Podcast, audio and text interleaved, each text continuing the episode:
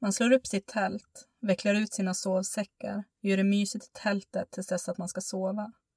Innan man lägger sig för natten så startar man en brasa, kanske lagar lite mat och avnjuter en god öl tillsammans.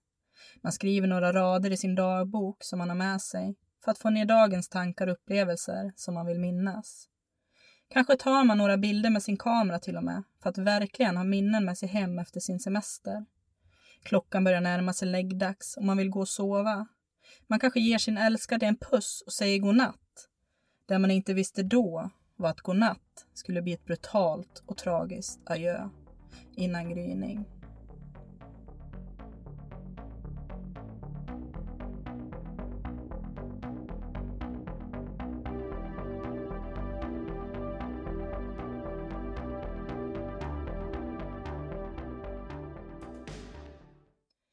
Hej och välkommen tillbaka till Svenska mord med mig, Sandra Durst. Jag har varit borta ett tag, dels på grund av sjukdom. Med fyra barn så cirkulerar det ganska vitt och brett. Och sen har jag ju julen och nyår varit emellan. Men nu är jag igång. För att en podd ska kunna vara av god kvalitet så krävs det att man lägger ner tid. Och har man ett annat jobb på sidan om så blir det svårt med tiden. Men har man chans till ett gott samarbete med någon aktör så finns det ju utrymme att satsa på en annan nivå. Så jag skulle vilja sticka in att finns det företag som skulle vara intresserade av samarbete med podden så får ni jättegärna höra av er på min mail svenskamord.gmail.com så kan vi diskutera tillvägagångssätt och eventuellt samarbete. Med det sagt så skulle jag önska att ni gick in på iTunes och gav mig fem stjärnor. Det gör att podden syns och att fler hittar den. Ni kan även följa podden på Instagram, svenska mord. Där lägger jag upp lite avsnittsrelaterade bilder och annat som rör podden. Podden finns även på Facebook. Tack! Dagens avsnitt tar oss tillbaka till år 1984. Ett ungt par från Nederländerna som var ute på bilsemester och valde att stanna upp på sin resa och tälta vid en vacker sjö i Norrbotten. Ett besinningslöst mord som än idag är ouppklarat. Vem var det som tog livet av de här två unga människorna som endast hade stannat upp för att tälta i natursköna Norrbotten. Vi kanske aldrig får veta, men det här avsnittet kanske får er att vilja grotta ner er, precis som jag har gjort. Tack för att ni lyssnar. Här kommer avsnitt 7, Tältmordet i Appojare.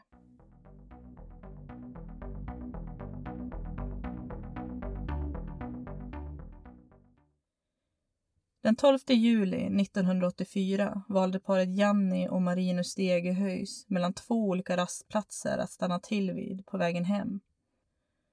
De valde platsen som låg vid sjön Appojare som ligger beläget sju mil från Gällivare i Norrbotten. Paret som är i 30-årsåldern och nederländska medborgare hade valt att bila genom det natursköna Norrbotten under sommaren för att sedan fortsätta över till Finland och sen att vända hemåt igen. Det här är en resa som paret planerat över flera år. De var stora naturälskare och tyckte om att fotografera. De var glada och positiva människor som gillar att umgås, bara de två. Janni och Marinus hade varit gifta i 13 år. Janni var hemmafru och Marinus jobbade på en fabrik hemma i Nederländerna. Janni tyckte om att föra dagbok på deras resa det var något hon gjorde varje dag. Man kunde se i dagboken vilken rutt de haft under sin tid i Sverige. I det sista dagboksinlägget som gjordes den 12 juli 1984 kunde man läsa om att det var myggigt, att vädret inte alls var bra och att de hade stannat och tankat tidigare på dagen. På kvällen runt 22-tiden den 13 juli 1984 så stannar en familj på tre personer från Göteborg på rastplatsen. Och vad de kommer att upptäcka har kunnat vara taget från en scen ur en skräckfilm. De ser ett tält som ser ut att ha blivit delvis hopfällt, massor med blod och två konturer av kroppar. De larmar genast polis som ankommer en stund senare till platsen. Polisen hade ingen aning just då vilket enormt och svårt jobb de hade framför sig. Första patrull på plats var bland annat polismannen Harry Brännström. Han spärrar av platsen och börjar undersöka scenen. Här ser de en plats bestående av ett tält, en bil, en eldstad med tillhörande gasolkök och sittplatser. Det ser även ut som att de har lagat mat. Polisen dokumenterar hela området genom minnesanteckningar på bandspelare och via fotografier innan de öppnar upp tältduken där konturer av två kroppar kan ses. Som det ser ut utifrån så verkar mödrarna gett på sig tältduken lika besinningslös som på paret.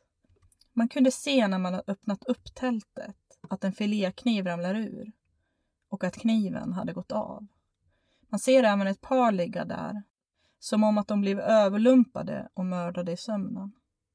Harry berättar när han möter Leif GW Persson i tv-serien Sommarmord från SVT att då började det kännas obehagligt.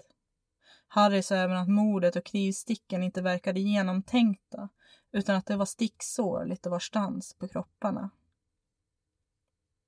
Polisen kunde se att gärningsmannen använt sig av två olika knivar. En kniv som troligtvis det mördade paret haft med sig, en filékniv som tidigare nämnts. Men även en annan kniv med bredare blad som troligtvis gärningsmannen haft på sig redan från början. Kriminalteknikerna slår upp tältet igen för att kunna undersöka hur scenariot sett ut. Och det man kan se är att någon skurit upp ena sidan av tältet och sedan klivit in. Och då har tältet rasat ihop. Yttertältet måste ha vikts upp först och sedan har attacken påbörjats. Yttertältet har inga genomborrningar av knivar. Man kan även se att mannen är den enda som har avvärjningsskador på armarna, vilket tyder på att mannen troligtvis attackerades sist. Utdrag från obduktionen. Den döda kroppen av Marinus Stegehöjs uppvisade skarpkantade skador lokaliserade framför allt till överkroppen, särskilt till bålens framsida och högra sida och till baksidan av den vänstra axelpartiet. Marinus Stegehöjs hade även skarpkantade skador bland annat i den högra armhålan, i bakhuvudet, till vänster på halsen, i nacken, på baksidan av det högra låret och på de övre delarna. Framför allt på den högra övre delen. Det sistnämnda sannolikt uppkommit av så kallade avvärjningsskador. Antalet skarpkantade skador på Marinus var 28, medan ett par av skadorna förelåg kommunicerade sårkanaler, varför antalet utdelade hugg var cirka 25. Antalet skarpkantade skador på Janni var 21, där en sårkanal förelåg mellan två skador. Antalet hugg som utdelades mot Janni var således 20.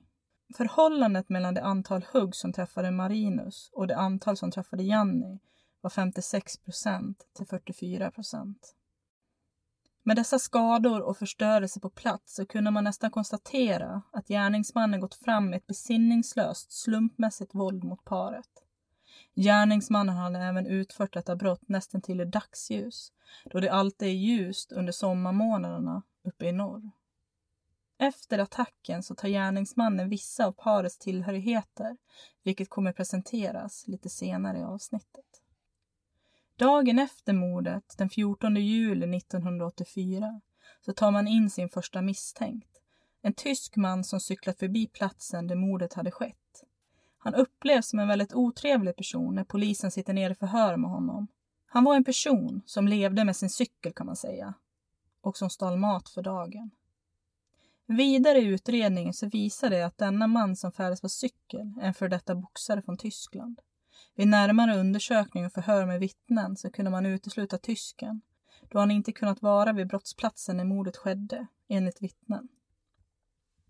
Den 15 juli 1984 så höll polisen en presskonferens och uttalade att de inte hade någon misstänkt gärningsman vid tidpunkten.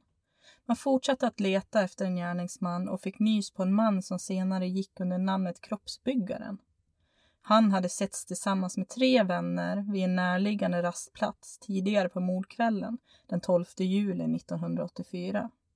De hade druckit och umgås till dess att bråk utlöst. Han lämnade då platsen och det sägs att han senare under natten ska komma tillbaka till sitt sällskap med kniv och blodiga kläder. De här uppgifterna har dock inte kunnat fastställas då deras berättelser föll isär om hur deras kväll utspelat sig. När kroppsbyggaren år 1993 åkte fast för ett annat brott så ska han ha erkänt dubbelmordet på paret Stegehöjs inför sin medfånge.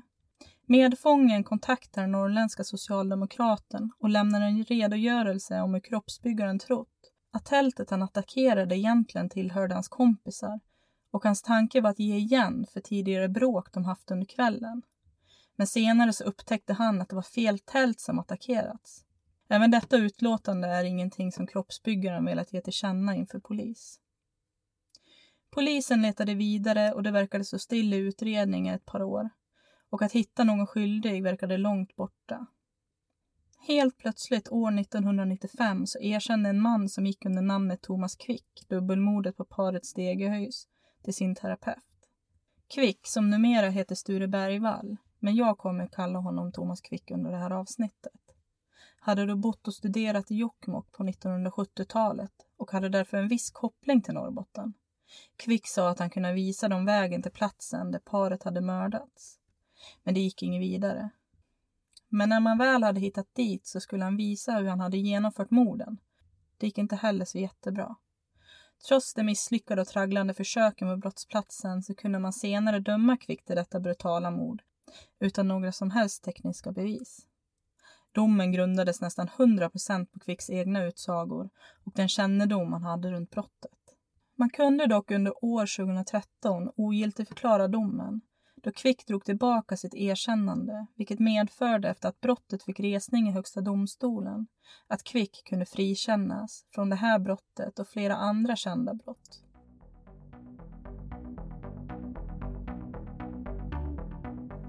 Vid det här laget har morden redan hunnit preskriberats och det innebär att det gått 25 år och nu kan inte fallet öppnas igen och fortsätta utredas. Hade morden skett ett år senare, i första juli 1985 eller senare så hade fallet ännu varit öppet och en gärningsman hade kunnat åtalas för dubbelmordet. Lagen om att mord inte kan preskriberas inföll år 2010.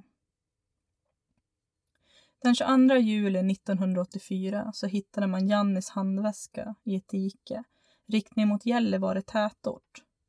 Man gick tillbaka till brottsplatsen och försökte då se vad mer kunnat vara försvunnet av parets tillhörigheter och fann då att deras kassettradio var borta. Man hittade kassettradion nästan ett år senare i ett dike en mil från brottsplatsen i en tätort som heter Vittangi tillhörande Kiruna kommun. Kassettradion var nästan till oskadad och polisen började ana att den kastats närliggande i tiden innan fyndet. Man tänker att har den legat där i nästan ett år så borde väder och vind ha gjort att den borde varit mer skadad. Man fastslog även att parets systemkamera med tillhörande väska var försvunnen. Man efterlyste denna kamera och tillhörande väska år 1993 genom programmet Efterlyst på TV3. En man hörde av sig från den undre världen i Stockholm och sa att han hade kommit över väskan och kameran året 1984 samma år som paret mördades. Han sa att i väskan så hade parets efternamn varit noterat, men han fick inte kännedom om mordet förrän ett år senare och att han då hade gjort sig av med väskan och de dryga 20-tal filmrullar som låg där i, då han ansåg att det saknade värde. Hur och varför väskan hamnat i Stockholm är inget man har kunnat förstå. Gärningsmannen hade troligtvis lämnat efter sig ett stort antal DNA på platsen på parets tält och andra tillhörigheter. Men med dåtidens teknik så kunde man inte fastställa en DNA-profil. Genom att tekniken och kunskapen gick framåt och man i nutid hade möjligtvis kunnat få fram en träff på DNA så visade det sig att all DNA efter gärningsmannen hade förstörts i hanteringen av denna på plats då metoden för platsundersökningar under 1984 inte var lika förfinade som de är idag. Under mordnatten så drog ett oväder in, ett skyfall som i sin tur gjorde så att fotspår, bilspår och annat spolades bort.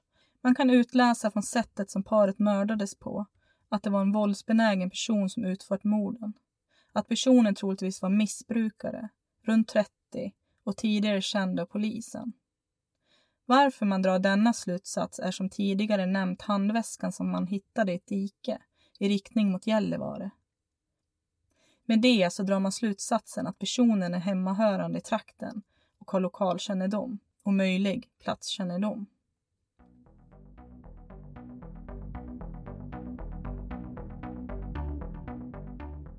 Mordet rörde upp mycket känslor hos befolkningen runt omkring Gällivare då polisen hade svårigheter med de tips som lämnades in och att de inte riktigt kom någon vart i utredningen. Befolkningen omkring i byarna sattes i skräck och började låsa om sig. Det var många som hade sina egna teorier under tiden mordet försökte lösas. Bland annat trodde vissa att de hade dödats av en tokig fågelskådare för att han skulle hämnas för att ett pilgrimsfalksbo hade plundrats från äggen då de hade hittat äggskal i eldstaden vid platsen där paret mördats. Leif GW Persson som är med i programmet Sommarmord på SVT säger, och jag citerar, Nej, jag tror nog att det är mer motivlöst än så. Även andra turister börjar känna sig rädda för att bo i tält nu när man hade en galen mördare som springer löst, som polisen ännu inte fått fatt i. Andra teorier som far runt är att mördaren ska ha blivit inspirerad av fredagen den 13 filmen, som hade premiär bland annat i Västtyskland just denna dag då paret mördades. Det finns likheter med filmens handling och mordet. Kampande par som blev mördade vid en sjö. Men det här är såklart bara lösa spekulationer och inget som polisen tagit fasta på och följt upp.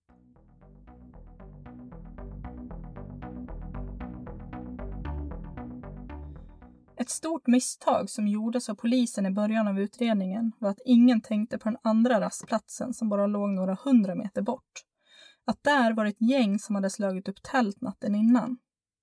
I all hast och för att man blev så chockad av scenen man kom fram till när första patrull kom på plats så åkte man aldrig till den andra rastplatsen där man visste att folk hade kampat natten då mordet skedde och gjorde inledande förhör. Det här är något som satt sig fast i kriminalinspektör Harry Brännströms minne från utredningen. Så vem mördade paret? Ja, det är det ingen som vet än idag. Det är nästan 36 år sedan det här brutala mordet begicks. Polisen hade sex personer som var mest intressanta i utredningen. Tre av de här sex har varit högst intressanta. Tysken på cykeln, kroppsbyggaren från orten och Thomas Quick. Men tyvärr har ingen av de här kunnat knytas till mordet genom teknisk bevisning. Jag anser att Thomas Quick har varit den som kunnat avskrivas först. Det finns för många obesvarade frågor där. Och även att det uppdagades senare att han bara hittat på att han mördat massor med människor. Det som hände Quick sägs ju vara Sveriges mest katastrofala kriminalutredning. Och tyvärr ingick det här mordet i den utredningen. Och det låg så mycket fokus på den här cirkusen av mycket annat kanske missades i det här fallet.